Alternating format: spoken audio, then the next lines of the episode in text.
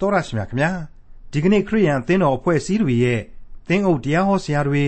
ခရိယန်ခေါင်းဆောင်တွေတချို့ဟာခရိယန်သာသနာပြုလုပ်ငန်းမှာပြင်ပင်ပန်းပန်းနဲ့ကြိုးစားကြပုံနဲ့မရဆင်းရဲဒုက္ခပြဿနာတွေကိုရင်ဆိုင်ကြုံတွေ့နေကြရတဲ့ကိုယ့်ရဲ့အသင်းသူအသင်းသားတွေကိုလည်းပါဇက်နဲ့သာမေတ္တာပြပြီးလက်ကမပါကြပါဘူး။သင်းအုပ်တရားဟောဆရာခရိယန်ခေါင်းဆောင်ဆိုပြီးဒုနတ်နေလို့ရတဲ့လား။ ဒါပေမဲ့ယေရှုခရစ်တော်ရဲ့တမန်တော်ကြီးရှင်ပေါလုကတော့ခရိယန်သာသနာပြုရာမှာဘယ်လိုပင်ပန်းဆင်းရဲခြင်းကဲ့ရဲ့ခြင်းတွေကိုခံစားခဲ့ရသလဲဆိုတာကို တွေ့ရမယ်။ခရိယန်တမန်ကျမ်းရဲ့ဓမ္မသစ်ကျမ်းပိုင်းတွေကတိမောသေဩဝါဒစာပထမဆုံးအခန်းကြီး၄အခန်းငယ်၈ကနေအခန်းငယ်၁၆အထိကို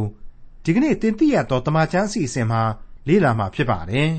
။မြန်မာနိုင်ငံကိုခရိယန်သာသနာရောက်လာတာဟာလူကတမင်အတင်း ဖန်တီးလို့ရောက်လာခဲ့တာလားဆိုတဲ့သုံးသပ်ချက်နဲ့အတူတိမောသေဩဝါဒစာပထမဆုံးအခန်းကြီး၄အခန်းငယ်၈ကနေအခန်းငယ်၁၆အထိကိုဒေါက်တာထွန်းမြတ်အေးကအခုလိုသုံးသပ်တင်ပြမှာဖြစ်ပါတယ်။သောတာရှင်မိတ်ဆွေအပေါင်းတို့ကကာလဆိုတဲ့အလွန်အလွန်ဝေးကွာတဲ့ဒုတိယအချိန်ခရစ်တော်ကြွလာတော်မူတဲ့အချိန်ကာလကိုအဓိကဆိုလိုခြင်းမဟုတ်ဘူး။မကွာဝေးလာသောအနာဂတ်မှာပင်လျှင်အသင်းတော်တို့ရင်ဆိုင်လာကြရမယ်။ အယူဆရေးရာဖောက်ပြန်မှုတွေခံယူချက်မတူညီမှုနဲ့ပရိပက္ခဖြစ်မှုတွေအကြောင်းတွေကိုပြီးခဲ့တဲ့သင်ခန်းစာမှာကလေးကကျွန်တော်တို့ကြားနာခဲ့ကြပြီးပါပြီ။အဲ့ဒီလိုအဲ့ဒီလိုအသင်းတော်အတွင်းမှာဖြစ်ကိုဖြစ်လိမ့်မယ်လို့ငါ့ကိုဘုရားသခင်အတိအလင်းဗျာဒိတ်ထားတော်မူခဲ့တယ်။တိမောသေယဒါကြောင့်မလို့မင်းအနေနဲ့အဲ့ဒီလိုကြပြောင်းကြပြန်ဖြစ်မှုတွေကိုနှုတ်ကပတ်တော်တမန်တရားနဲ့အညီကြီးကြပ်ပြီးတော့ဆုံးမပေးပါ။ယုံကြည်ခြင်းတရားလက်ကင်ထားပြီးတော့သတိပေးပေးပါ။ ဒါဆိုရင်မင်းဟာလေယေရှုခရစ်ဓမ္မဆရာကောင်းတူဖြစ်လာလိမ့်မယ်မိမ့်မအိုးလို့သတ်မှတ်ရမယ်အသက်ကြီးပြီးတော့အချိန်မစည်းတဲ့ကြပြစ်ကညစ်ပေါ်သွတ်သွတ်ကြောင်တောင်တောင်အယေမေယအဖတ်မယဒန္တာကြီးစကားလိုဟာမျိုးတွေကိုရှောင်ပြီးတော့ဘုရားသခင်ကိုကိုးကွယ်ဝတ်ပြုခြင်းတဲ့ဘာဆိုဘာမှအရေးမကြီးဘူးဘုရားသခင်ကိုဝတ်ပြုကိုးကွယ်ဥညွတ်ပြတ်ဖို့ရန်သာလျှင်အလေးထားဖို့အလိုဆုံးဆိုတဲ့အချက်တွေကိုခံယူပြီးတော့ကိုယ့်ကိုယ်ကိုဆုံးမပါ တနည်းအားဖြင့်ကိုယ့်ရဲ့ယုံကြည်ခြင်းကိုကိုဟာအစဉ်တစိုက်ဆန်းစစ်ပြီးတော့အားနေတဲ့အချိန်မှာယုံကြည်ခြင်းပြည့်ဝအောင်လုပ်ပါပြီးတဲ့နောက်မှာတော့အသင်းတော်တို့ကိုကြည့်ရှုပြုစုပေးပါအဓိကလိုအပ်ချက်ဟာဖျားသခင်ကိုကိုးကွယ်ဝတ်ပြုခြင်းပဲဖြစ်ပါတယ်ဆိုတဲ့အချက်တွေးကိုပြီးခဲ့တဲ့သင်ခန်းစာမှာကျွန်တော်ကြားနာခဲ့ကြပြီးပါပြီဟုတ်ပါတယ်တိမောသေဩဝါဒစာပထမစာဆောင်ရဲ့အခန်းကြီး၄ဟာအခုလိုဖော်ပြပေးခဲ့ပြီးပြီဖြစ်ပါတယ် ဝိညာဉ်တော်သည်အတိအလင်းဗျာဒိတ်ထားတော်မူသည်ကားနောင်ကာလ၌ဩတ္တပစိတ်တွင်တန်ဘူးနှင့်ခတ်ခြင်းကိုခံပြီးလျင်မှုသာစကားကိုပြောတတ်သောသူတို့၏လျှို့ဝှက်ခြင်းအပြင်လူအချို့တို့သည်ယုံကြည်ခြင်းကိုစွန့်ပယ်၍လှည့်ပြားတတ်သောစိတ်ဝိညာဉ်တို့၌၎င်းနတ်ဖျားတို့နှင့်ဆက်ဆိုင်သောဩဝါဒတို့၌၎င်းမှီဝဲစည်းကပ်ကြလိမ့်မည်မင်္ဂလာဆောင်ခြင်းအမှုကိုမပြုရဟု၍၎င်းယုံကြည်၍သမာတရားကိုသိသောသူတို့သည် ကျေးဇူးတော်ကိုသိသောစိတ်နှင့်တကွသုံးဖို့ရာဘုရားသခင်ဖန်ဆင်းတော်မူသောအစာမျိုးကိုရှောင်ရမည်ဟု၍၎င်းပြည့်ညတ်ထားကြလိမ့်မည်ဘုရားသခင်ဖန်ဆင်းတော်မူသမျှသည်သုံးစရာကောင်း၏ကျေးဇူးတော်ကိုသိသောစိတ်နှင့်ခံယူလျင်အဘယ်အရာကိုမျှမပေ့မရှောင်ရအကြောင်းမူကားဘုရားသခင်၏နှုတ်ကပတ်တရားတော်အားဖြင့်၎င်းဆုတောင်းခြင်းအားဖြင့်၎င်းအရာရာတို့သည်စင်ကြယ်လျက်ရှိကြ၏ ဤစကားများကိုသင်သည်ညီအကိုတို့အားကြားပြောလျင်ယုံကြည်ချက်စကားကိုယ်တိုင်ရှာဖွေလေ့ကျက်သောတမန်ဩဝါဒစကားနှင့်မွေးမြူခြင်းကိုခံသောယေရှုခရစ်၏ဓမ္မဆရာကောင်းဖြစ်လိမ့်မည်မိမအိုပြောရသောတရားမဲ့ဖြစ်သောဒန္တာကြီးစကားကိုပယ်ရှား၍ဖျားဝတ်၌မွေးလျော်ခြင်းအပြင်ကိုယ့်ကိုယ်ကိုဆုံးမလော ဒီကနေ့သင်ခန်းစာကတော့အထက်ဖော်ပြခဲ့တဲ့အချက်တွေနဲ့ပဲတစ်ဆက်တစ်ဆက်တည်းတည်ရှိနေတဲ့ဩဝါဒစကားများဖြစ်နေတာကိုကျွန်တော်တို့တွေ့နိုင်ပါတယ်အတိတ်ပဲမပြည့်ဆက်လက်လေ့လာစေခြင်းတဲ့အတွက်ကြောင့်ပြီးခဲ့တဲ့အငယ်9ကနေစတင်ပြီးတော့အငယ်10နဲ့9ကိုဆက်လက်တင်ပြပါရစေမိမအိုပြောရသောတရားမဲ့ဖြစ်သောဒန္တာကြီးစကားကိုပယ်ရှား၍ဖျားဝတ်၌မွေးလျော်ခြင်းအပြင်ကိုကိုကိုဆုံးမလောကိုကာယကိုဆုံးမခြင်းသည်များစွာသောအကျိုးကိုမပေးတတ် ဖျားဝတ်၌မွေးလျော်ခြင်းမူကားယခုဘဝနောင်ဘဝနှင့်ဆက်ဆိုင်သောဂရိတော်ကိုရသည်ဖြစ်၍အရာရာ၌အကျိုးကိုပေးတတ်သည်ဟုသောစကားသည်သစ္စာစကားဖြစ်၏အကျွင့်မဲ့ခံယူအပ်သောစကားလည်းဖြစ်၏ကိုကာယကိုဆုံးမခြင်းတဲ့အထက်ပိုင်းတုန်းကတိမောသေကိုကိုကိုကိုဆုံးမလို့ဆိုတာနဲ့တွဲပြီးတော့စဉ်းစားမယ်ဆိုရင်လည်းဖြစ်နိုင်လောက်ပါတယ် တမန်တော်ကြီးရဲ့လက်တွေ့ဘဝအတွေ့အကြုံတွေနဲ့လည်းပူးတွဲပြီးတော့စဉ်းစားတတ်တယ်လို့ကျွန်တော်ခံယူပါတယ်ဘာပဲဖြစ်ဖြစ်ကျွန်တော်ရဲ့ကိုယ်ပိုင်အတွေ့အတိုင်းပြောရမယ်ဆိုရင်တော့အဲ့ဒီကိုယ်ကာယကိုဆုံးမခြင်းဆိုတာကိုအင်္ဂလိပ်သမာကျမ်းအရာ bodily exercise လို့သုံးထားတဲ့အတွက်ကြောင့်အဲ့ဒီခေတ်ကာလကိုယ်ကာယကိုအသုံးပြုပြီးတော့ကာယဗလအပင်ပန်းခံမှုတွေကိုရည်စူးဖော်ပြတယ်လို့ထင်ပါတယ်ဟုတ်ပါတယ်တမန်တော်ကြီးဟာခရိယန်အသက်တာနဲ့ ရှေးကာလအိုလံပစ်အားကစားပြိုင်ပွဲကြီးတွေတဲကပြိုင်ပွဲဝင်ဒီနဲ့ခိုင်းနှိုင်းဆုံးမပေးခဲ့တာကိုကောရိန္သုဩဝါဒစာပထမစာဆောင်အခန်းကြီး9ထဲမှာကျွန်တော်အထင်အရှားတွေ့ခဲ့ရပါတယ်ကောရိန္သုဩဝါဒစာပထမစာဆောင်အခန်းကြီး9အငယ်24မှ28အတွင်ကိုပြန်ပြီးတော့ကြည့်စေခြင်းပါတယ်မြေတလင်း၌ပြန်၍ပြေးကြသောသူအပေါင်းတို့သည်ပြန်၍ပြေးကြသောလေတယောက်ထီးသာလျှင်စုကိုရသည်ဟုသင်တို့မသိကြသလော စုကိုရမည်အကြောင်းပြေးကြလော့ပွဲ၌ပြန်၍အချင်းချင်းတိုက်သောသူမည်သည်ကအရာရာ၌တက်မဲ့ခြင်းကိုချုပ်တီးတတ်၏ထိုသူတို့သည်ညှိုးနွမ်းပျက်စီးတတ်သောပန်းဥယျစ်ကိုရခြင်းဟာအလို့ငှာပြုကြ၏ငါတို့မူကားမညှိုးမနွမ်းမပျက်စီးနိုင်သောပန်းဥယျစ်ကိုရခြင်းဟာအလိုရှိကြ၏ထို့ကြောင့်ငါပြေးသောအခါအမှတ်တမဲ့ပြေးသည်မဟုတ်လက်ပွေသတ်သောအခါအာကာသကောင်းကင်ကိုသာထိုး၍သတ်သည်မဟုတ် သူတစ်ပါးကိုဆုံးမပြီးမှကိုယ်တိုင်ရှုံးသောသူမဖြစ်ရမည်အကြောင်းကိုကိုထိုး၍နှိမ့်ဆက်လေရှိ၏တဲ့မိတ်ဆွေအပေါင်းတို့ Greek မြို့ပြနိုင်ငံကြီးတွေသာမက Greek ယဉ်ကျေးမှုလွှမ်းမိုးရာခေတ်မှာအားကစားပွဲကျင်းပတဲ့ Colosseum လို့ခေါ်တဲ့အားကစားကွင်းကြီးတွေဟာအဲ့ဒီနိုင်ငံတွေမြို့ကြီးတွေမှာရှိနေပါပြီဒါတွေကိုတမန်တော်ကြီးဟာမြင်ခဲ့ရပြီးပြီဒေသန္တရဘုဟုတ္တများရယူရင်းနဲ့လေ့လာလို့ပြီးခဲ့ပြီးပြီ အဲ့ဒီလိုကာယဗလအတွက်အိုလံပစ်အားကစားပြိုင်ကြတာတွေဟာသိပ်ကိုကောင်းပါလေဒါပေမဲ့အသင်းတော်ယုံကြည်သူအပေါင်းတို့တွေကတော့အဲ့ဒီအားကစားတရဖူကိုတန်တမဲ့မောဖို့တဲ့ယုံကြည်ခြင်းအပြင်ဓမ္မတရဖူကိုရယူနိုင်ဖို့ရန်သာစ조사အားထုတ်ကြပါဆိုတာကိုအခုလိုဖော်ပြလိုက်တာပဲဖြစ်ပါတယ်ကျွန်တော်အလေးနဲ့ပြုဖို့နောက်တစ်ခုကတော့တမန်တော်ကြီးဟာဘုရားသခင်အမှုတော်ကိုဆောင်ခဲ့တဲ့နေရာတွေမှာသေတောင်မှမလျှော့ဘူးဆိုတဲ့ဇွဲနှပဲနဲ့အမှုတော်ကိုအပြည့်အဝဆောင်ခဲ့တဲ့ပုဂ္ဂိုလ်ကြီးဖြစ်ခဲ့ပါတယ် ယောမအင်ပါယာအောက်က Greek ယဉ်ကျေးမှုထွန်းကားရာအရက်ဒေသတခွင်ကိုတလက်မမချံပဲနဲ့ရှောက်သွားခဲ့သူဖြစ်ပါတယ်ကာယဗလအာကိုနဲ့ပဲသူဟာမညာမတာကိုကိုကိုအသုံးပြုပြီးတော့အမှုတော်ကိုအပင်ပန်းခံမဆုတ်မနစ်ဆောင်ရွက်ပေးခဲ့သူဖြစ်ပါတယ်အဲ့တော့သူ့အဖို့ကာယပိုင်းဆိုင်ရာအနစ်နာခံရခြင်းရဲ့သဘောတဘာဝကိုသိပြီးဖြစ်ပါတယ်ဘာပဲပြောပြောဘုရားသခင်ကိုယုံကြည်သူအသင်းတော်များကိုတော့ဖျားဝတ်၌သာမွေ့လျော်ခြင်းအမှုကို ပိုးပြီးတော့ဦးစားပေးစေခြင်းတည်းဆိုတဲ့စေတနာသဘောဟာဒီနေရာမှာပေါ်လွင်လျက်ရှိနေပြီလို့ကျွန်တော်ဆိုချင်ပါတယ်အဲ့ဒီလိုဖျားဝတ်၌မွေ့လျော်ခြင်းဆိုတာကတော့ယခုဘဝနဲ့နောင်ဘဝနှစ်ဌာနစလုံးရဲ့အတွက်ဘုရားသခင်ပေးအပ်တဲ့ကျေးဇူးဂရုနာတော်တွေကိုခံစားရသည်ဖြစ်၍ကဲတင်ခြင်းကျေးဇူးတရားနဲ့တကွအသက်တရဖူအထိခံစားရသည်ဖြစ်၍အရာရာ၌အကျိုးပေးသည်အကျိုးရှိသည် ဒီအချက်ဟာလေသစ္စာတရားတစ်ခုပဲဖြစ်သည်ဆိုတာကိုတမန်တော်ကြီးဒီအပိုင်းမှာဖော်ပြပေးလိုက်ပါတယ်ပြီးတော့မှအဲ့ဒီသစ္စာတရားဟာအကျွင်းမဲ့ခံယူအပ်သောသစ္စာစကားလေးဖြစ်ပါတယ်လို့သူဟာတိမောသေမှတဆင့်ကျွန်တော်အားလုံးအတွက်တင်ပြပေးလိုက်ပါတယ်အငယ်30နဲ့17ကိုဆက်လက်နားဆင်ကြကြပါထို့ကြောင့်အသက်ရှင်တော်မူထသောလူအပေါင်းတို့ကိုကယ်မတော်မူ၍ယုံကြည်သောသူတို့ကိုအထူးအဖြင့်ကယ်မတော်မူသောဘုရားသခင်၌ ငါတို့သည်ကိုးစားသည်နှင့်အညီပင်ပန်းစွာအမှုဆောင်ရွက်ကြ၏ကဲ့ရဲ့ခြင်းကိုလည်းခံရကြ၏ယခုဆိုခဲ့ပြီးသည့်အတိုင်းပြည့်ညတ်ထားခြင်းဆုံးမဩဝါဒပေးခြင်းကိုပြုလော့ယုံကြည်သူအပေါင်းတို့အတွက်ဝိညာဉ်ရေးပိုင်းကိုသာအလေးနဲ့ထားဖို့တိုက်တွန်းနှိုးဆော်ပါတယ်ဒါပေမဲ့တမန်တော်ကြီးခမရမှာသူ့ရဲ့လက်တွေ့ဘဝမှာတော့ကိုကတော့ပင်မဆင်းရဲခြင်းနဲ့ကဲ့ရဲ့ခြင်းတွေကိုခံရတယ်ဆိုတာကိုဆက်လက်ပြီးတော့ဝန်ခံပေးလိုက်ပါတယ် ပင်ပန်းစွာ အမှုဆောင်ကြ၏ကဲ့ရဲ့ခြင်းကိုလည်းခံရကြ၏တဲ့ကဲယုံကြည်ခြင်းတရားအဖြစ်လူသားတို့ကယ်တင်ခြင်းအခွင့်ကိုသူဟာဘလောက်ထိမျက်မျက်နှုံနှုံရှိခဲ့သလဲလူသားတို့ရဲ့သာဝရအသက်ရှင်ခြင်းနဲ့ကျေးဇူးတရားကိုခံယူနိုင်ဖို့ရန်အတွက်ဘလောက်ထိစေတနာဇောထက်သန်ခဲ့သလဲ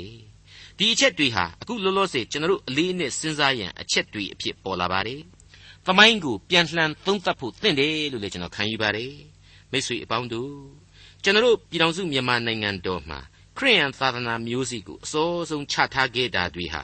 ဘယင်ကြီးဘာသာဝင်များ Roman Catholics များဖြစ်လိမ့်မယ်လို့ကျွန်တော်တွေးမိပါတယ်။ဘာဖြစ်လို့လဲဆိုတော့ Columbus ရဲ့စပိန်ရေကြောင်းပညာရှင်တွေဟာအများစုဘယင်ကြီးတွေဖြစ်ခဲ့ကြတယ်။ကဘာကြီးကိုရေကြောင်းရဲ့အတတ်ပညာတွေနဲ့လွှမ်းမိုးလို့ရတယ်ဆိုတာကိုလည်းသူတို့သိထားကြတော့ကဘာကိုပတ်ရင်းနဲ့အသစ်တွေ့ရတဲ့ကျွန်းတွေနိုင်ငံတွေကို ဗိုလ်ကျစိုးမိုးတယ်ဆိုရင်ဒီဘယင်ကြီးဘာသာဝင်တွေဟာအဲ့ဒီနေမြေအသစ်တွေမှာဝင်ရောက်လာခဲ့ကြရမှာအမှန်ပဲလို့ကျွန်တော်တို့တွေ့နိုင်ပါတယ်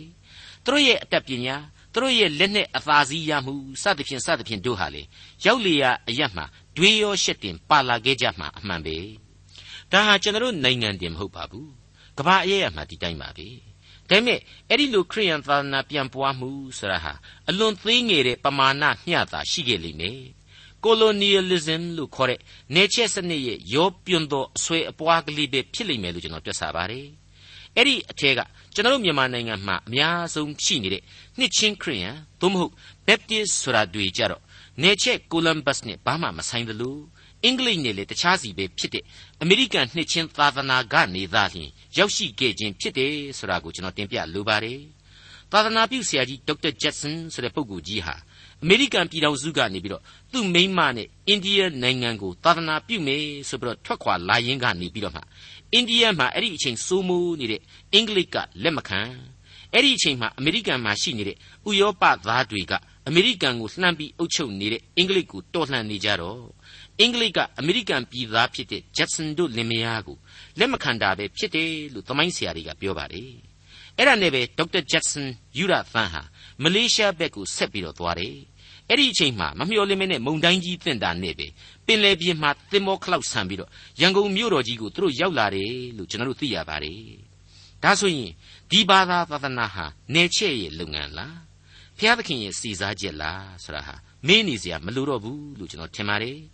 အသက်ရှင်တော်မူသောအဖဖျားသခင်ရဲ့ပြုပြင်ခြင်းလား လူတွေတမင်လုတ်ပြီးတော့ယူခဲ့တာလားဆိုပြီးတော့ဇောရကတက်နေစရာအရှင်းမလိုတော့ဘူးလို့ကျွန်တော်တွက်ပါတယ်မိတ်ဆွေအပေါင်းတို့အဲ့ဒီလိုမစီမဆိုင်ဆိုတဲ့ဝေးလံခေါင်းပါရအရက်ဒေသကနေပြီးတော့နောက်ထပ်မစီမဆိုင်ဆိုတဲ့ဝေးလံခေါင်းပါဒေသအထိရောက်လာတယ်အမှုတော်ဆောင်းတယ်ဆိုတာဟာအခုတမန်တော်ကြီးရှင်ပေါလုဖော်ပြပေးခဲ့တဲ့အတိုင်းပဲယုံကြည်သောလူအပေါင်းတို့ကိုအထူးသဖြင့်ကယ်မတော်မူတဲ့အသက်ရှင်တော်မူသောဘုရားသခင်၌ အမိပြုသောမဟာတာဝန်ကြီးဖြစ်နေတယ်လို့ကျွန်တော်တင်ပြခြင်းပါတယ်ဒီတာဝန်ဟာလည်းအမျိုးအမည်မခွဲလူသားတိုင်းအတွက်ပဲဖြစ်နေတယ်ဆိုတာဟာရှင်းနေပြီလို့ကျွန်တော်တင်ပြပါရစေပင်ပန်းတယ်ကဲ့ရဲ့ခြင်းကိုလည်းခံရတယ်တဲ့တမန်တော်ကြီးအဲ့ဒီတိုင်းဖော်ပြထားပါတယ်မှန်ပါတယ်သိပ်ပင်ပန်းခဲ့မှအဖေချပဲပေါ့မိုင်ပေါင်းများစွာကိုပင်လေကြီးတနန်တလျာကြော်ဖြတ်ရတာကိုကပင်ပန်းခဲ့ပြီအစားအသောက်မှငတ်မတယ်အပျော်အပါးမှဘာမှမရှိဘူး ထောင်ကျလိုက်သေးတယ်ထိတ်တုံးခတ်တာလည်းခံရသေးတယ်အသက်ပြောက်မတတ်ဖြစ်ရတာတွေဟာလေအကျဉ်းချင်းပါပဲဒါတွေဟာရှင်ပေါလုမှစပြီးတော့ပေတရုယောဟန်သောမမှအစဆရာကြီးယူရသန်အထိသမိုင်းသစ္စာတည်ခဲ့သောဖြစ်ရတွေ့ကြီးပဲဖြစ်ပါတယ်ဒါကိုဘာမှပြောနေစရာမလိုတော့ဘူးလို့ကျွန်တော်ထင်ပါတယ်ဒီလောက်လေးလံတဲ့တာဝန်တွေကိုဒီမဟာလူသားကြီးတွေဟာဖျားသခင်အလိုတော်နဲ့အညီထမ်းဆောင်ခဲ့ကြတယ်လူတ attva အလုံးအတွက်ထမ်းဆောင်ခဲ့ကြတယ် အဲ့ဒါကြောင့်မို့လို့သူတို့ဟာပင်မစွာအမှုဆောင်ရွက်ခဲ့ကြပြီးပြီကဲ့ရဲ့ခြင်းတွေကိုလည်းခံခဲ့ကြပြီးပြီပင်မဆင်းရဲခြင်းကြီးစွာခံစားခဲ့ရသောဒုက္ခဝေဒနာများရဲ့အလွန်ကောင်းကင်နိုင်ငံတော်မှာဓမ္မဥယျာတရဖူကိုသူတို့ဟာဆောင်းလျက်ရှိနေကြပြီလို့ကျွန်တော်အလေးအနက်ဒီညမှာတင်ပြလိုက်ပါရစေဒါဆိုရင်ဒီအမှုတော်ကိုထမ်းဆောင်ခြင်းဆိုတာဟာဘာနဲ့ဆိုင်တယ်လေကာလနဲ့လည်းမဆိုင်ဘူးဝါဒနဲ့လည်းမဆိုင်ဘူး ဌာနနဲ့လည်းမဆိုင်ဘူးအကုန်တခြားစီကြီးပဲလူသားတွေကိုဘုရားသခင်သိစေခြင်းတဲ့အတိုင်းလူသားတို့ရဲ့သာဝရအသက်အတွက်သာလျှင်ဖြစ်တယ်လူသားတိုင်းတောင့်တနေတဲ့လောကုတ်တရားသစ္စာတရားတွေအတွက်ဖြစ်တယ်လူသားတိုင်းအမြဲထိတ်လန့်ကြောက်ရွံ့နေရတဲ့သေခြင်းမှလွတ်ရလန်းကိုလူသားတို့မြင်တွေ့ဖို့အတွက်ပဲဖြစ်တယ်ဒါကိုတိမောသေအနေနဲ့အေဖက်နဲ့တကွအေဖက်အမှုပြုတဲ့ပတ်ဝန်းကျင်အရရမှာပြန်ပြီးတော့ပြောပြပါပြည့်ညတ်ထားပါ အခြေခံခံယူချက်ယုံကြည်ချက်များမသွေဖီဖို့ဆုံးမဩဝါဒပေးပြီးတော့ကြီးကြပ်ပေးပါတဲ့ဟုတ်ပါတယ်ကိုယ်ကာယကိုဆုံးမခြင်းသည်များစွာသောအကျိုးကိုမပေးတတ်ဖျားဝတ်၌မွေ့လျော်ခြင်းမူကားယခုဘဝနောင်ဘဝနှင့်ဆက်ဆိုင်သောဂတိတော်ကိုရသည်ဖြစ်၍အရာရာ၌အကျိုးကိုပေးတတ်သည်ဟုသောစကားသည်တစ္ဆာစကားဖြစ်၏အကျွင့်မဲ့ခံယူအပ်သောစကားလည်းဖြစ်၏ထိုကြောင့် အသက်ရှင်တော်မူထသောလူအပေါင်းတို့ကိုကယ်မတော်မူ၍ယုံကြည်သောသူတို့ကိုအထူးသဖြင့်ကယ်မတော်မူသောဖျားသခင်၌ငါတို့သည်ကိုးစားသည်နှင့်အညီပင်ပန်းစွာအမှုဆောင်ရွက်ကြ၏ကဲ့ရဲ့ခြင်းကိုလည်းခံရကြ၏ယခုဆိုခဲ့ပြီးသည့်အတိုင်းပြည့်ညတ်ထားခြင်းဆုံးမဩဝါဒပေးခြင်းကိုပြုလော့အဲ့ဒီလိုတမန်တော်ကြီးတိမောသေကိုအမှားဆင်းလိုက်ပါတယ် အခုကျွန်တော်တို့ယုံကြည်သူများအားလုံးကိုလည်းလေးစားစွာနဲ့တိုက်တွန်းနှိုးဆော်လိုက်ပါရစေတိမောသေဩဝါဒစာပထမစာဆောင်အခန်းကြီး၄အငယ်၁၂သင်အသက်အရွယ်နုပြိုသည်ကိုအဘယ်သူမျှမထီမဲ့မြင်မပြုစေနှင့်စကားပြောခြင်းကြင်ကြံပြုမှုခြင်းသူတစ်ပါးကိုချစ်ခြင်းဝိညာဉ်သဘောရှိခြင်းသစ္စာဆောင်ခြင်းစင်ကြယ်ခြင်းအရာမှယုံကြည်သောသူတို့အားပုံသက်သေးကိုပြလော့မိတ်ဆွေ တိမောသေဩဝါဒစာပထမစာဆောင်ရဲ့အခန်းကြီး1အငယ်16မှာတော့ငါသားတိမောသေသင်ကိုရည်မှတ်၍ဟောခဲ့ပြီးသောအနာဂတ်စကားကိုသင်သည်အမိပြု၍ယုံကြည်ခြင်းကို၎င်းကိုကိုကိုတည်သောစိတ်ကြည်လင်ခြင်းကို၎င်းဆွဲလန်း၍ကောင်းသောစစ်ကိုတိုက်စေခြင်းဟာထားခဲ့ပြီးသောထိုအနာဂတ်စကားနှင့်အညီအထက်ငါဆိုခဲ့ပြီးသောပြည့်ညတ်ထားခြင်းအခွင့်ကိုသင်၌ငါအပ်ပေး၏လို့တမန်တော်ကြီးဖော်ပြခဲ့ပါတယ် အင်မတန်ကြီးလေးတဲ့ဓမ္မအမှုတော်ဆောင်တယောက်ရဲ့မဟာတာဝန်ကိုလည်းပေးခဲ့ပါတယ်ဒီတာဝန်ကိုပေးတာပေးရတယ်လူတွေကလူတယောက်အနေနဲ့စိတ်ထဲမှာပူပန်စိုးရိမ်ခြင်းရှိနေမိတယ်ဆိုတာဟာရှင်းနေပါတယ်ဒီလိုစိတ်ပူပန်တာကိုရောစိတ်မပူရတော့ဘူးလားလို့ကျွန်တော်ကအပြစ်တင်လို့ရမှာလားဓမ္မရာဇဝင်တွေထဲမှာပြန်ပြီးတော့ကြည်ပါအဖဖျားသခင်ကိုအင်မတန်ချစ်တဲ့ဒါဝိမင်းကြီးဟာသူသေခံဒီအချိန်ငကိုတဲ့ကသူသိပ်ပြီးတော့စိတ်တိုင်းကမကြ ယောက်ျားလည်းသိပ်ပြီးတော့မပီသားလှတဲ့သားတော်ရှောလမုန်ကိုထီနန်းလွှဲပေးရတော့အခုလိုပဲစိတ်ပူပန်ခဲ့သေးတာပဲလူသားတို့ဘာသာဘာဝယင်ထဲမှာစိတ်မချပဲဖြစ်ခဲ့သေးတာပဲဒါတကယ်တော့ဖျားပေးတာဝန်အပေါ်မှာမကြေပြွန်မှာကိုစိုးရင်ခဲ့တာပဲဆိုတာကိုကျွန်တော်နားလည်ဖို့လိုပါတယ်ဓမ္မရာဇဝင်တတိယစာဆောင်အခန်းကြီး2အစမှာဒါဝိမင်းကြီးအခုလိုဖော်ပြခဲ့တဲ့အသံတွေကိုကျွန်တော်ပြန်လည်ကြားရောက်နိုင်ပါတယ်ဒါဝိဒ်သည်အနိစ္စရောက်ရသောအချိန်ဤသောအခါ သားတော်ရှောလမုန်ကိုပြည့်ညတ်ထားတော်မူသည်ကားမြေကြီးသားအပေါင်းတို့ဤသွားရလမ်းသို့ငါသွားရမည်တို့ဖြစ်၍အာယူလော့ယောက်ျားဤဂုံတတိရှိလော့ထာဝရဘုရားသည်ငါအားဗျာဒိတ်ပေးတော်မူသည်ကားသင်၏သားမြေတို့သည်စိတ်နှလုံးအကျွင့်မဲ့ငါရှိမှတမာတရား၌ကျင်လေခြင်းဟာမိမိတို့သွားရလမ်းကိုတရိပြုလျင်ဣသရေလနိုင်ငံရာဇပလင်ပေါ်မှထိုင်ရသောသင်၏အမျိုးမင်းယိုမပြတ်ရဟုမိန့်တော်မူသောစကားတော်တည်၍ သင်သည်ပြုလေရာရာသွားလေရာရာ၌အောင်မြင်မည်အကြောင်းသင်၏ဖျားသခင်ထာဝရဘုရား၏လမ်းတော်သို့လိုက်၍မောရှေ၏ပြည့်ညတ်တိကျမ်း၌ပါသောစီရင်ထုံးဖွဲ့ချက်တက်သေးခံချက်ပြည့်ညတ်တရားတော်တို့ကိုစောင့်ရှောက်စေခြင်းဟာမှားထားတော်မူသောစကားကိုနားထောင်လော့တဲ့မှန်ပါလေသင်ဤမင်းယိုမပြတ်ရဆိုတော့ယုတ်တည်းကိုမင်းမျိုးအတွက်သာကိုစိုးရင်ပြီးတော့ပြောတယ်လို့ထင်เสียရှိပါတယ်နော်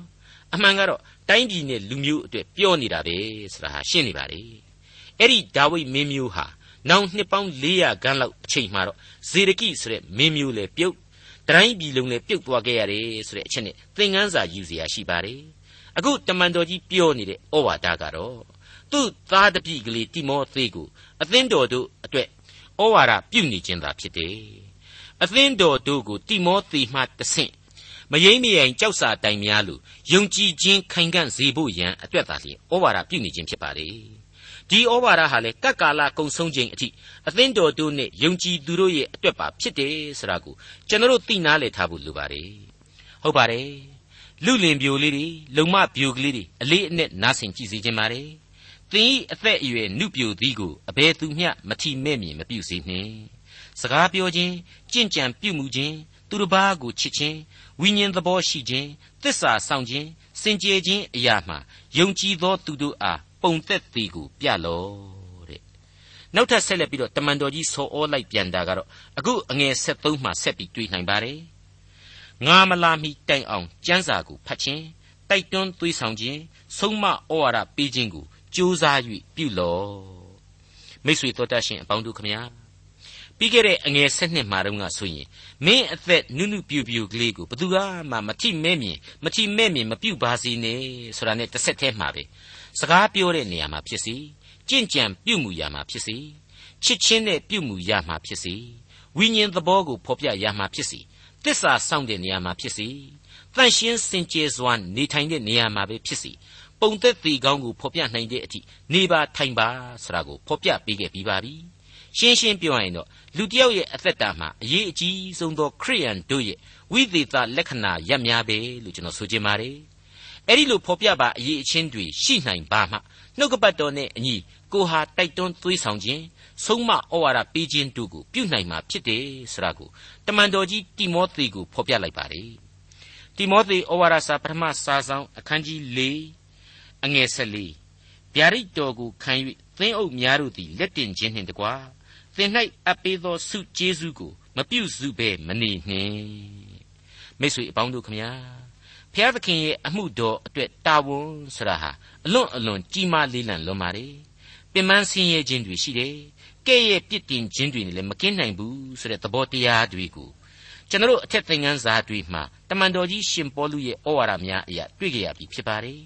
အခုကျတော့အဲ့ဒီတာဝန်ဝတရားတွေဟာဗျာဒိတ်တော်ဆိုတဲ့ဘုရားသခင်အမိန့်တော်ဒီနဲ့အညီဆောင်ရွက်ရာတာဝန်တွေဖြစ်တယ်။စုကျေးဇူးတော်လည်းဖြစ်ပါတယ်ဆိုတာကိုအပြောင်းနဲ့အဖြစ်တွေ့ရပြီ။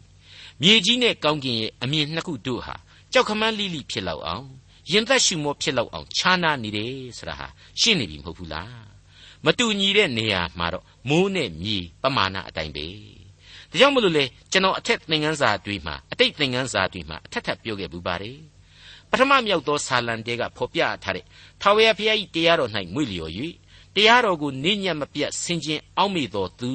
ဆိုတဲ့မင်္ဂလာရှိတဲ့လူမျိုးတွေဆိုရင်ကျွန်တော်မြေကြီးသားအများစုဘယ်လိုသမုတ်ကြသလဲဘယ်လိုယူဆကြသလဲအဲ့ဒီတမာကျမ်းစာကိုအမြဲတမ်းဂျိုင်းကြညှက်ထားတဲ့ငနေကြီးပေါင်းလို့သင်လို့မကောင်းပါဘူးကွာလူကြောင်ကြီးတဲ့အပြစ်ပြောပြီဟောမဟုတ်တန်တရားလေးဘာပဲလုပ်နေနေရုပ်ကလေးသနာကမနဲ့ရုပ်ရှင်ဂီတလောကကတဆင့်လူတွေကြိုက်အောင်လုပ်နိုင်တယ်သဲကြီးကြိုက်တခြင်းလေးတွေဆိုနိုင်တယ် အမှုအရာလေးကလည်းကောင်းတယ်မျက်စကလေးကလည်းပြစ်ပြစ်ပြပြတယ်ဆိုရင်ကျွန်တော်တို့ဘာဖြစ်သွားကြသလဲစိုးစရုံးကတမာကျမ်းစာနဲ့အမြဲတမ်းပျော်တဲ့လူကိုလူကြောင်လို့ပြောတာမျိုးမပြောတော့ဘူးစူပါစတာတဲ့မခက်ဘူးလားဟုတ်ပါတယ်ဘလောက်ပဲပတ်ဝန်းကျင်အတိုင်းအဝိုင်းကကဲ့ရဲ့နေပါစီအပြစ်တင်နေပါစီပင်မဆင်းရဲပါစီဒီအမှုတော်ဟာဗျာဒိတ်တော်အရာဆောင်ရွက်ရသောအမှုတော်သာဖြစ်တယ်။ဖျားသခင်ရဲ့ဆုကျေးဇူးလည်းဖြစ်တယ်။ဒီကျေးဇူးတော်အရာထမ်းရွက်ရသောတာဝန်ကို အမောင်တိမောသေမင်းကြည်ပြွန်ပါစေလို့တမန်တော်ကြီးအမှားဆင်းလိုက်ပါတယ်။အဲ့ဒီလိုလူငယ်ဓမ္မဆရာကလေးတိမောသေကနေတဆင့်နောက်ထပ်သင်းအုပ်သင်းတောက်တာဝန်တွေအတွက်လက်တင်ပေးအပ်ခြင်းတာဝန်ဆိုတာဟာလည်းရှိနေသေးတယ်ဆိုတာကိုဒီအပိုင်းမှာနားလည်လာရပြန်ပါတယ်။ဟုတ်ပါတယ်။ကျွန်တော်အထက်သင်ခန်းစာတွေမှာဖော်ပြခဲ့တဲ့အတိုင်းပဲအဖဆရာကြီးများဟာတက်လူဓမ္မဆရာကလေးတွေကိုပြုစုပြောထောင်သွားရယူထုံစံရှိပါတယ်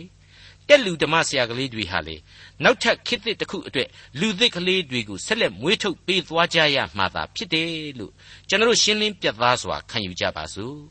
တိမောသေဩဝါဒစာပထမစာဆောင်အခန်းကြီး၄အငယ်15သင်ဤတိုးပွားခြင်းကိုလူအပေါင်းတို့အားထင်ရှားစေခြင်းဟာဤအရာများကိုစိတ်ဆွဲလန်း၍ကြိုးစားအားထုတ်လော့ကဲ အမှုတော်ဆောင်ဘဝကိုရောက်ပြီဆိုတာနဲ့ငါတော့စမှတ်ပဲဆရာကိုင်းဝင်ပြီဆိုပြီးတော့ဒူးနှံ့နေလို့ရတယ်လားမရနိုင်ဘူးတိုးပွားခြင်းရှိရမယ်တဲ့ပြက်ပြက်သားသားပြောလိုက်ပါလေအဲ့ဒီလိုတိုးပွားခြင်းဆိုတာဟာအမှန်တော့ဝိညာဉ်အသက်တာကြီးပွားရာဆိုတဲ့အစဉ်တိုးပွားသောအသက်ရှင်ခြင်းတရားဖြစ်ပါတယ်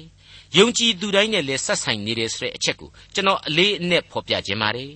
သင်အသက်တာဤတိုးပွားခြင်းကိုလူအပေါင်းတို့အားထင်ရှားစေခြင်းဟာ ဤအဆုံးအမဤဩဝါဒတို့အပေါ်မှာစိတ်ဆွဲလန်းပါကြိုးစားအားထုတ်ပါတဲ့မိတ်ဆွေအပေါင်းတို့ခမညာဒီတိမောသေဩဝါဒစာရဲ့အစမှတုန်းကလေးကတမန်တော်ကြီးရှင်ပေါလုအလေးအနက်ပြုထားခဲ့တဲ့အသင်းတော်တို့ရဲ့အခြေခံမူဝါဒဟာဘာဖြစ်ခဲ့ပါသလဲဒါကိုပြန်ပြီးတော့စဉ်းစားကြည့်လိုက်ရုံနဲ့အခုတမန်တော်ကြီးအဓိကထားပြီးတော့သတိပေးနေတဲ့အချက်ဟာရှင်းလင်းပြတ်သားစွာနားလည်နိုင်ပါတယ်ကယ်တင်ရှင်သခင်ခရစ်တော်ရဲ့လူစားတီကိုခံယူခြင်း ကားတိုင်တော်ပေါ်မှာအသေးခံတော်မူခြင်းနဲ့ရှင်ပြန်ထမြောက်တော်မူခြင်းအားလုံးတို့အကျုံးဝင်တဲ့ဧဝံဂေလိကြီးဟုသောကယ်တင်ခြင်းအလင်းစကားပဲဖြစ်ခဲ့ပါတယ်။ဝမ်းမြောက်ဖွယ်သောကယ်တင်ခြင်းတရားအစစ်အမှန်ပဲဖြစ်ခဲ့ပါတယ်။အဲ့ဒီအခြေခံကယ်တင်ခြင်းတရားကိုဘာနဲ့မှအစားမထိုးဖို့အခိုင်အမာကာကွယ်ပေးဖို့နဲ့အဲ့ဒီကယ်တင်ခြင်းတရားကိုလက်ကင်ထားပြီးတဲ့နောက်ပိုင်းမှာလေလက်တွေ့ကြကြလူလောကအတွင်းမှာအမှုတော်ကိုဆောင်ရွက်ပေးဖို့ဆိုတာကိုလေတမန်တော်ကြီးဟာ အကျယ်တွင်အဆုံးအမပြုခဲ့ပြီးပါပြီ။ဩဝါဒပေးခဲ့ပြီးပြီဖြစ်ပါတယ်။အဲ့ဒီအချက်တွေအကုန်လုံးတို့ကိုတိမောသေလိုက်နာဖို့လိုသောဤအရာများဆိုပြီးတော့ဖော်ပြပေးလိုက်ပါတယ်လိုက်နာတယ်ဆိုတဲ့နေရာမှာလေအပယိကမဟုတ်စိတ်ဆွဲလန်းခြင်းနဲ့လိုက်နာရမှာဖြစ်နေတယ်ဆိုတာကိုအလေးနဲ့ပြုထားပြန်ပါတယ်မှန်ပါတယ်မိတ်ဆွေစိတ်ဆွဲလန်းစွာနဲ့လိုက်နာရမယ့်အချက်တွေးကိုတမန်တော်ကြီးဟာတိမောသေနဲ့အတူအေဖက်အသင်းတော် အေဖက်အသင်းတော်ယုံကြည်သူအသင်းတော်သူအသင်းတော်သားများဒါအပြင်ဒီကနေ့မျက်မှောက်ခေယုံကြည်သူကျွန်တော်ကျမတို့အတွက်ပါရှင်းလင်းပြတ်သားစွာဖော်ပြနေပြီလို့ကျွန်တော်ဆိုချင်ပါတယ်ဒီအချက်တွေအကုန်လုံးတို့ဟာကျွန်တော်မိษွေတို့အတွက်အသက်တာကာလတစ်လျှောက်လုံးအတွက်လမ်းညွှန်တွေပဲဖြစ်တယ်လို့ကျွန်တော်လေးစားစွာတင်ပြလိုပါတယ်ဆက်လက်ပြီးတော့ဒီအခန်းကြီး၄ကိုဏိကုံးချုပ်ဖော်ပြလိုက်တဲ့အချက်ကတော့အခုလိုဖြစ်ပါတယ်အငယ်၁၆ကိုကို၎င်း ကိုဆုံးမဩဝါဒကို၎င်းသတိပြု၍အမြဲတည်နေလောထို့သောပြုလျင်ကိုကို၎င်းနားထောင်သောသူတို့ကို၎င်းကဲ့တင်လိမ့်မည်တဲ့မိတ်ဆွေတော်တတ်ရှင်အပေါင်းတို့မင်းအားဖြင့်အပြစ်လောကသားများကဲ့တင်ခြင်းကျေးဇူးတော်ကိုခံစားရပါစေဆိုပြီးတော့တမန်တော်ကြီးဆုတောင်းအားပေးလိုက်တဲ့အတူတူပဲဖြစ်ပါတယ် နှုတ်ကပတ်တော်ကိုအခြေပြုပြီးတော့ကမ္ဘာလောကကြီးအတွင်းမှာရှောက်သွားရင်းနဲ့အမှုတော်ထမ်းဆောင်နေရတဲ့ပုံကိုယ်တွေအားလုံးအတွက်ထိရောက်သောအဆိုးအဖွဲတစ်ခုလို့ကျွန်တော်ဆိုချင်ပါတယ်။ဒါကြောင့်မလို့မှတ်လောက်သားလောက်ရှိလာတဲ့တိမောသေဩဝါဒစာပထမစာဆောင်အခန်းကြီး၄ရဲ့အငယ်၁၂မှ၁၆အတွင်ဖော်ပြခဲ့တဲ့ဩဝါဒစာတွေကိုတစ်ခေါက်ပြန်ပြီးတော့နားဆင်ရင်းနဲ့ဒီကနေ့အဖို့အနားယူကြပါစို့။သင်ဤအသက်အရွယ်နုပြိုသည်ကိုအဘယ်သူမျှမထီမဲ့မြင်မပြုစေနှင့်။စကားပြောခြင်း ကြင့်ကြံပြုမှုခြင်းသူတစ်ပါးကိုချစ်ခြင်းဝိညာဉ်သဘောရှိခြင်းတစ္ဆာဆောင်ခြင်းစင်ကြယ်ခြင်းအရာမှယုံကြည်သောသူတို့အားပုံသက်သည်ကိုပြလော့ငါမလာမီတိုင်အောင်ကျမ်းစာကိုဖတ်ခြင်းတိုက်တွန်းသွေးဆောင်ခြင်းဆုံးမဩဝါဒပေးခြင်းကိုကြိုးစား၍ပြုလော့ဗျာဒိတ်တော်ကိုခံ၍သင်းအုပ်များတို့သည်လက်တင်ခြင်းနှင့်တကွသင်၌အပ်ပေးသောဆုကျေးဇူးကိုမပြုစုဘဲမနေနှင့်သင်၏တိုးပွားခြင်းကိုလူအပေါင်းတို့အားထင်ရှားစေခြင်းဟာ ဤအရာများကိုစိတ်ဆွဲလန်း၍ကြိုးစားအားထုတ်လော့ကိုကို၎င်းကိုဆုံးမဩဝါဒကို၎င်းသတိပြု၍အမြဲတည်နေလော့ထို့သောပြုလျင်ကိုကို၎င်းနားထောင်သောသူတို့ကို၎င်းကဲ့တင်လိမ့်မည်ဒေါက်တာထွန်းမြတ်ရေးစီစဉ်တင်ဆက်တဲ့တင်ပြရတော်တမချန်းအစီအစဉ်ဖြစ်ပါတယ်နောက်တစ်ချိန်အစီအစဉ်မှာခရိယန်တမချန်းရဲ့ဓမ္မသစ်ကျမ်းပိုင်းတွေကတိမောသေဩဝါဒစာပထမဆုံးအခန်းကြီး9အခန်းငယ်1ကနေ အခန်းငယ်16အထိကိုလေ့လာမှာဖြစ်တဲ့အတွက်စောင့်မျှော်နားဆင်နိုင်ပါတယ်။